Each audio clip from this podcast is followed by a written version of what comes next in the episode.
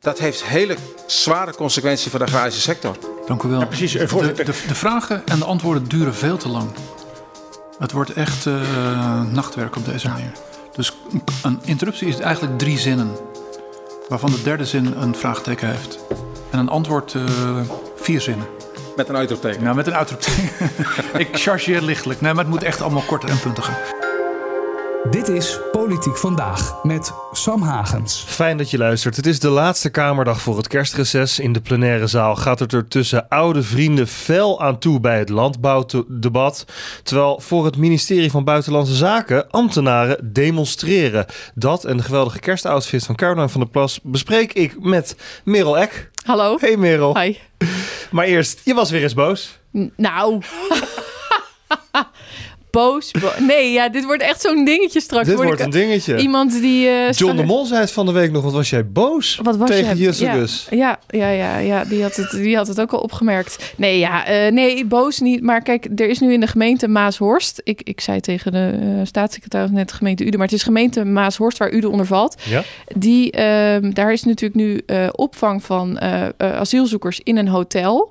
Maar dat mag niet, eh, heeft de rechter besloten. Want er zijn nog procedures die niet goed zijn afgehandeld. Eh, maar die, die mensen zijn er al. En de gemeente heeft gezegd, gaan we niet handhaven dit. Dus we laten ze daar zitten. Ehm, alleen, je wil dan nu als pers, als Hart van Nederland weten... ehm, maar hoezo volg je de, het besluit van de rechter niet? Waarom hebben jullie dan de procedures niet beter doorlopen? Wat is hier nou precies aan de hand? Kan het Maar- zijn dat er gewoon paniek in de tent is? Natuurlijk, maar dan, ze reageren dus niet. Ja. Sterker nog, ze ze, eerst was het van ja, nee, we gaan waarschijnlijk niet reageren. Maar nu krijgt de redactie helemaal geen, eh, eh, geen contact meer met ze. Ik vind dat op zo'n moment dat er zoveel speelt, eh, ja, moet je gewoon ook eh, de pers te woord staan. En dan gaat jouw bloed weer koken.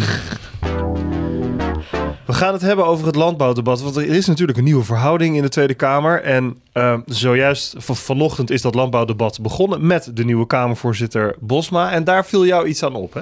Ja, nou, e- allereerst was het. ehm, eh, je hebt nu natuurlijk allemaal nieuwe Kamerleden. Die houden dan hun maiden speech, heet dat. Als ze het voor het eerst het woord voeren in, de, in een eh, debat in de plenaire zaal.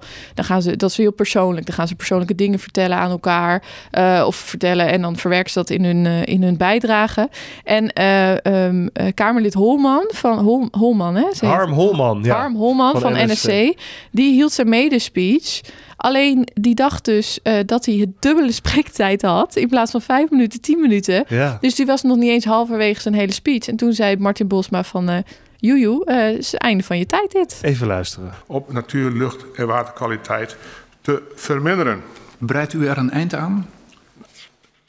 Ik had extra spreektijd. eh, Ja, maar u bent al uh, fors door uw vijf minuten heen. Maar als u nog een uh, ik, zal tien kan- minuten, ik zal tien minuten. U, u wou tien minuten, ja. Ja, maar... ja, nee, maar dat zou ik krijgen. Nou, dat dacht ik toch niet. Nee, nee, nee, vijf minuten pp is het. En omdat u het mee- mijn, medespeech. Ja, maar dat wil niet zeggen dat ik uw spreektijd ga verdubbelen. Als u nog een mooi persoonlijk verhaal kwijt wilt... Wat nee, helemaal niet. Ik heb nog wat inhoud.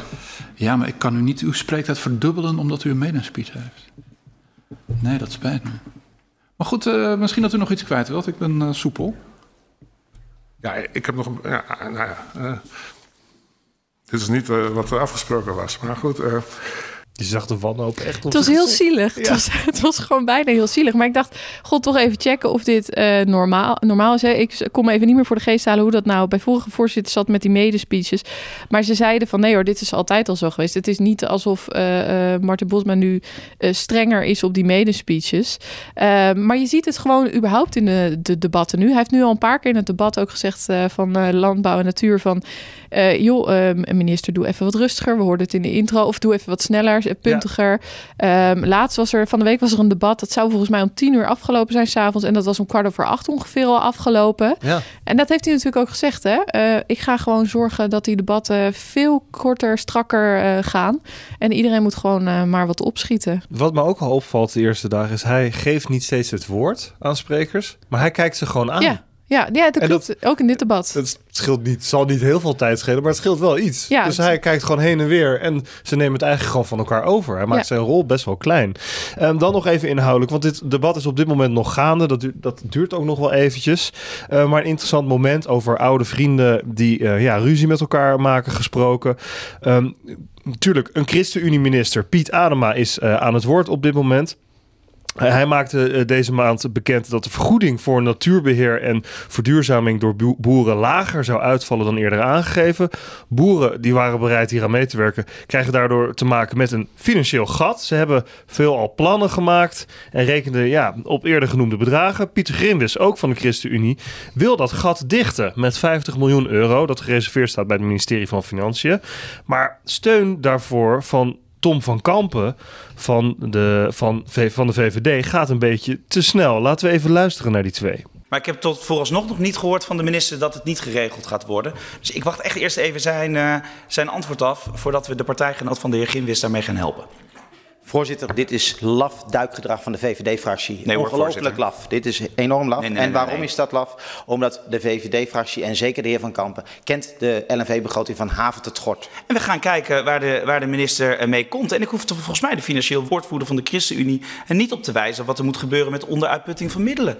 Voorzitter, het is duidelijk dat de heer Van Kampen geen financieel woordvoerder is. Zo, Hoppa. Ja. gezellige boel. ja, Overigens eh, roept Piet Adema al een aantal keer vandaag ook op eh, om het aan het eh, volgende kabinet om ja, door te gaan met het landbouwakkoord. Want dat was volgens hem toch ook wel heel erg zonde.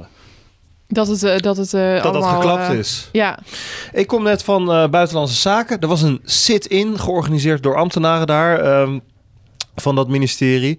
Eh, er is natuurlijk al langer kritiek op het standpunt van het kabinet rond Israël-Palestina.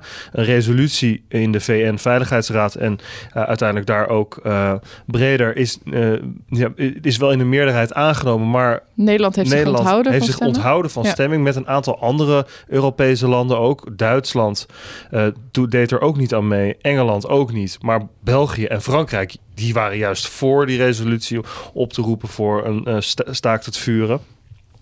Eh, en in, binnen dat ministerie is het wel interessant wat daar gaande is. Want er is een groep ambtenaren dat zegt... ja, wij zijn het gewoon niet eens. Ja, er was al eerder een brief verstuurd, hè, ook eh, namens wat ambtenaren naar de, naar de top. ehm, dat ze het niet eens waren. Die roepen inderdaad op tot een staakt het vuren. En dat dat meer in lijn is met het internationaal recht bijvoorbeeld. Ehm, maar het is best wel opmerkelijk dat ambtenaren zich zo ontzettend openlijk uitspreken tegen een eigen beleidslijn van het ministerie. Hè? Ja. Normaal zie je dat natuurlijk intern gebeurt dat wel. Eh, dat zegt het ministerie nu zelf ook. De beide ministers van, eh, van het, eh, het ministerie waar ze nu voor zitten, het ministerie van Buitenlandse Zaken, die zijn allebei in het buitenland. Dus die konden niet reageren. Maar het ministerie zelf zei wel, ja, we hebben intern deze gesprekken ook. Dat faciliteren we ook. Vinden we eigenlijk ook heel normaal dat je andere inzichten hebt binnen een ministerie. Ehm, en van ons mag het eigenlijk ook gewoon wel publiekelijk. Hè? Eh, er zijn wel handleidingen, richtlijnen ook, waar je een beetje toe moet verhouden als ambtenaar. Eh, strookt dit met je werkzaamheden en eh, gaat dat elkaar niet in de weg zitten? Maar ze zeggen bij het ministerie, dat is toch een afweging die je vooral zelf moet maken als, eh, als ambtenaar. En wij vinden dat dit, je hebt vrijheid van meningsuiting, dus wij vinden dat dit gewoon moet kunnen. Ik vind die reactie ook wel heel opmerkelijk. Omdat minister Jessicus in het verleden heeft gezegd op die brandbrief ook van ja, ambtenaren zijn er om hun werk uit te voeren, niet om politiek besluiten aan te vechten of om daar een mening over te hebben. Wat me verder opviel, er waren daar wel een aantal mensen vanuit het ministerie van Buitenlandse Zaken, maar ook vooral heel veel van andere ministeries. Sprak bijvoorbeeld een, minister, een, een eh, ambtenaar van het ministerie van OCW, die zei ja, eigenlijk sinds dit conflict weer speelt, is er heel veel kritiek, ook op ons ministerie, terwijl zij gaan over onderwijs daar. Ze gaan helemaal niet over buitenlands beleid. En wat blijkt, die ambtenaren hebben ook eh, allerlei bijeenkomsten, bijvoorbeeld ook met een van de hoogste ambtenaren, de SG van dat ministerie, om hun, eh, ja, om dat geluid te kunnen uiten, om daar een gesprek over te voeren. Ja, intern. Intern. Ja, precies, ja. Maar nu is het dus ook buiten, voor Ja, de deur. Ja. En zegt het ministerie prima. Ja, nee, ja, dat is, en dat is wel opvallend inderdaad. Want je, je voert natuurlijk beleid uit wat gewoon politiek is bepaald. Ehm, en dan eh, wordt het lastig als dat steeds vaker zo publiekelijk naar buiten komt. Eh, Ik zag ook al wat opmerkingen voorbij komen. eh, hè, van wat moet, het, wat moet het dan straks worden als je het niet eens bent met een politieke koers? En ambtenaren gaan zich daar de hele tijd over uitspreken. De vraag Ja. is dan, moet je als ambtenaar dan misschien niet op zoek bijvoorbeeld naar een andere baan? Ja, dat hè? heb ik ook een aantal mensen voorgelegd vanochtend. Die zeiden nee, nee, zover is het niet. En wij vinden dat we nog wel eh, goed genoeg gehoord worden in dat we onze kritiek kunnen uiten. En wat ik een interessant argument ook vond, is ze zeiden ja, we zijn niet alleen ambtenaar, we zijn ook mens. Of we zijn ook burger. Nou, dat zegt het maar je ministerie zit daar wel ook als ambtenaar. Ja, het Voor je ministerie zegt ministerie. dus, je moet zelf gaan afwegen.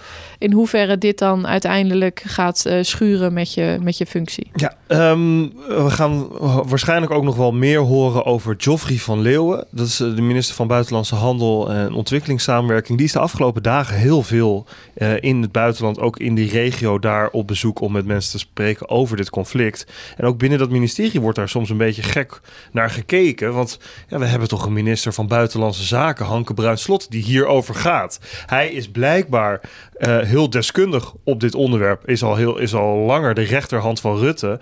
Maar krijgt ook nu nog kritiek binnen van, van, vanuit het ministerie op dat hij heel veel naar zich toe trekt. Ja, en het hij- eigenlijk, hij gaat er niet alleen. Nou ja, en hij vervangt ook nog eens een, een minister die met zwangerschapsverlof is. Dus het, hij- het, het komt over als een hele ambitieuze eh, eh, ambtenaar. Die nu minister is geworden en er gewoon van alle, die er alles uit wil halen. ja, die denkt ik weet zoveel, misschien moet ik gewoon ook maar alles... eh, Ik word misschien ook nog wel premier straks. We gaan vast nog wel meer over hem horen. Nog even door naar de formatie. Want die is natuurlijk nu achter gesloten deuren eh, ja, bezig. Maar hoe... Ik, Ja, gewoon- ja, ja, ik krijg was- gewoon weer de slappe lach van. Want hoe Caroline van der Plas vanochtend aankwam... Dat kun je, ja, maar dit bedoel ik, hier kun je alleen maar vrolijk van worden, Ja, toch? Het Ja. is geweldig. Ja, Ze heeft een soort... Ze heeft een kerstlegging. Die heb ik er al eerder aan eh, Eh, ja, gezien. ja. En eh, een soort rode... Wat is het? Een soort blouseachtig. Eh, vest, wat ze altijd Of- aan heeft. Ja, een een lang soort- vest. Een lang vest. Ja. Maar om haar nek kerstverlichting. De- En, en, dat, en die ketting die we ook eerder hebben gezien van die houten dieren. ja, lijkt er, nu, er lijken nu wel meer houten dieren aan te hangen dan ooit. Ja. Eh, maar er is inderdaad ook kerstverlichting bijgekomen. Dus ze heeft boerderijdieren kerstverlichting nek. Ik moest vooral lachen om de blik van Mona Keizer die daarachter staat. Eh, die, die een soort van ook zo'n grijns op de gezicht heeft van ja, ik weet ook misschien niet zo goed wat ik hiermee aan moet, maar ik vind het Heel wel grappig. netjes. Zij eh, zag er heel netjes uit. Ja. Even luisteren hoe dat ging vanochtend. Hoi, hoi. Hallo. Kort vraag eventjes over hoe het gaat, het proces en over uw ketting. Ik ga naar binnen, dus het gaat goed. U Ja. weet wel uit qua grondwet en zo en de Oh, grondrechten. dat, daar weet je best dat we daar eh, niks over zeggen. Over mijn ketting Maar mag je allemaal alles vragen. Bent u al in de volgende fase, over de, de inhoudelijke fase? We gaan nu naar binnen. Want Ja? heeft u daarom die ketting om? Heeft u daarom de ketting op? Irene Jansen was dat van Nieuwsuur. Irene Kruijf. Eh, oh, sorry. Irene Ja. Jansen. Irene, Irene de Kruijf, Irene de Kruijf. moet ik zeggen. Ja. Eh, familie van Mart de Kruijf. Wist je dat? Nee? Ja, ze- dus dat is haar oom. Oh. Toevallig.